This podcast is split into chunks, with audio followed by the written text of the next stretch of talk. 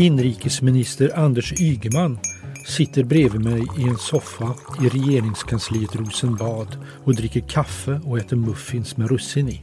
Kaffet är gott och jag tänker att den trevlige Ygeman representerar det som brukar komma upp när man talar om politikerförakt.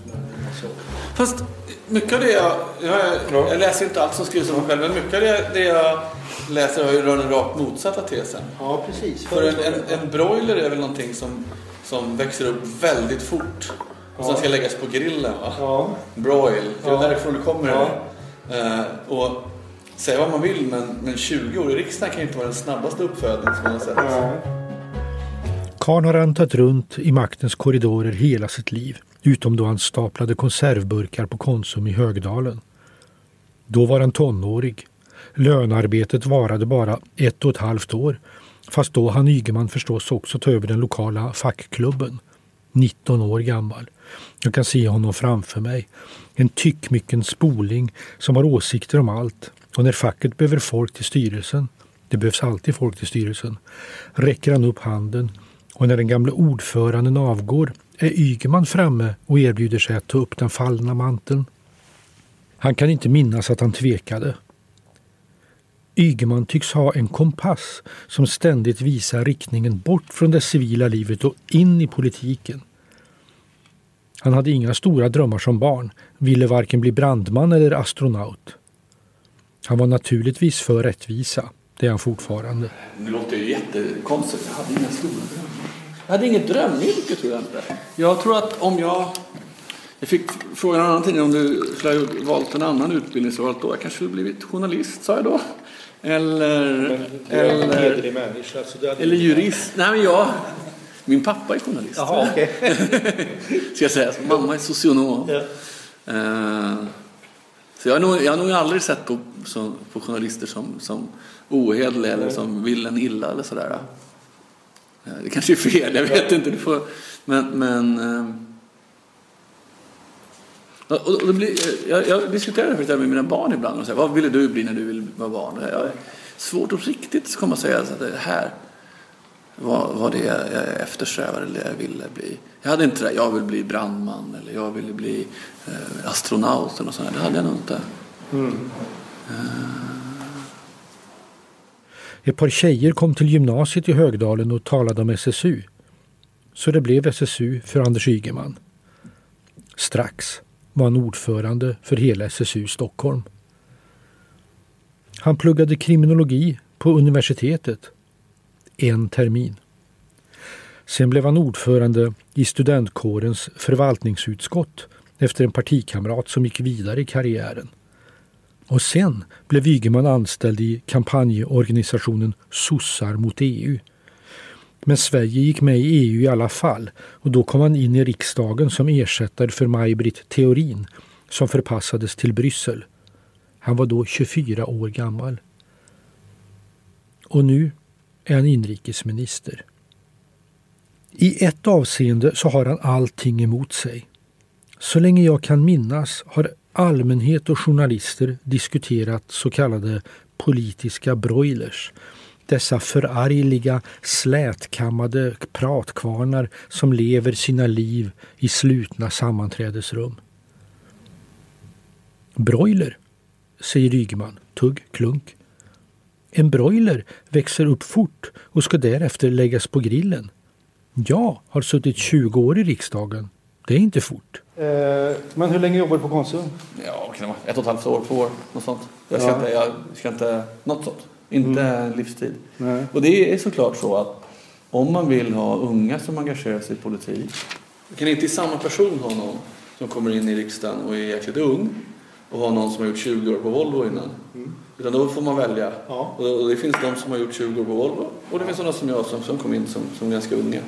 Jag kom ju in som 25-åring, va? 24 år. 24 år. Ja. I ett annat avseende har mannen som mumsar på muffins allt för sig. Han har levt sitt liv i politiken.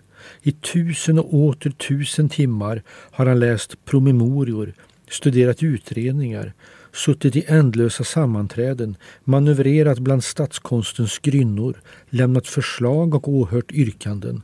diskuterat personfrågor, lärt sig propositionsordning, knatat omkring i riksdagen, talat till skolklasser, deltagit i en och annan intrig, gjort studiebesök, talat till folket, talat till skolklasser igen, gått i demonstrationståg, talat till folket en gång till och artigt svarat på frågor från pressens pirajor. Få 45-åringar är så grundligt skolade i politikens konst som Anders Ygeman. Mannen som fram till valet förra året var en anonym riksdagsledamot och som var en lika anonym inrikesminister. Ingen journalist ringde första månaden, säger han. Och jag tror en stor del av det är att ingen visste vad en inrikesminister gjorde. Nej. Var du frustrerad då? Hallå? Nej! Hallå, här är jag faktiskt. Ja, jag är minister.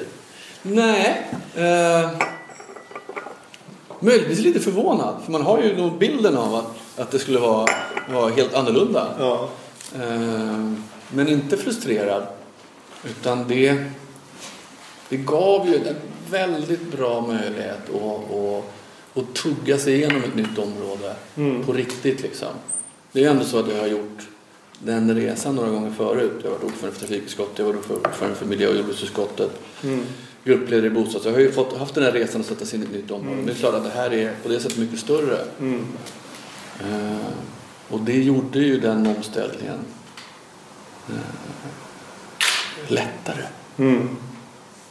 Han har denna oroliga höst klivit fram som ett slags landsfader. Ygeman utstrålar lugn och verkar veta vad han pratar om. Han verkar också veta vart han vill. Det måste vara tungt för Stefan Löfven, denne hederliga arbetare från Ångermanland, denne rejäle fackföreningsman, denne man av folket. Han är precis en sån politiker vi alltid säger att vi vill ha. Det måste vara tungt att se en kyckling springa förbi i innerspåret. Vad har Anders Ygeman som Stefan Löfven saknar? Kanske är Ygeman det slutgiltiga beviset för att politiken idag är så komplicerad att den som vill upp måste skolas från blöjåldern. Han är försiktig, väger sina ord. Enda gången han låter ana en passion, ja, låter ana att han kan ryckas med, det är när han minns debuten som första majtalare. Utanför Konsum i Högdalen naturligtvis. Jag läste någonstans att de flesta hellre dör än talar inför grupp, säger han. Men jag tycker om att tala. Jag har alltid tyckt om det. Jag gillar det retoriska momentet. Vad vi ser är en människa som plötsligt får en gigantisk uppgift och växer med utmaningen. Han har dessutom kastat av sig ryggsäcken från sina år i Socialdemokraternas vänsterfalang i Stockholm. När Ygeman fick ansvar, då började han kräva ordning, reda, lagar, poliser, kontroller, övervakning. Självklart frågar jag om han vill bli statsminister. Och lika självklart svarar han nej med de vanliga orden om utsatthet och så vidare. Och att vi redan har en utmärkt statsminister och så vidare. Men internt har en del socialdemokrater redan börjat prata om att nästa partiordförande heter Ygeman. Och, kan man tillägga, oron bubblar bland motståndarna i Stockholms stad. Jag tror att man ska vara försiktig med de där utnämningarna till Idol eller till... Det, jag tror att det går undan i politiken. Mm. Och det är klart att jag är, är, är jätteglad över att, att det finns de som, som uppskattar det jag gör. Samtidigt så tror jag att man, man, man, ska nog bara, man ska nog akta sig för att fångas av den där tillfälliga liksom upphöjningen till någonting. För det kan lika fort gå åt andra hållet. Mm. Och man, man, jag vet inte, det var någon som sa att man är aldrig lika bra som, som de säger och aldrig lika dålig som de säger. Mm. Det tror jag är liksom en nödvändig skyddsmekanism. Arbetsrummet som man har är kalt och opersonligt. Och Ygeman är professionellt trevlig. I detta ljusa, praktiska rum utspelar sig ett drama värdigt Shakespeare. Vilka känslor det måste koka i statsrådets vältrimmade kropp. Så många tankar, taktik, planer. politisk död och uppståndelse. Vi bevittnar broilerns återkomst.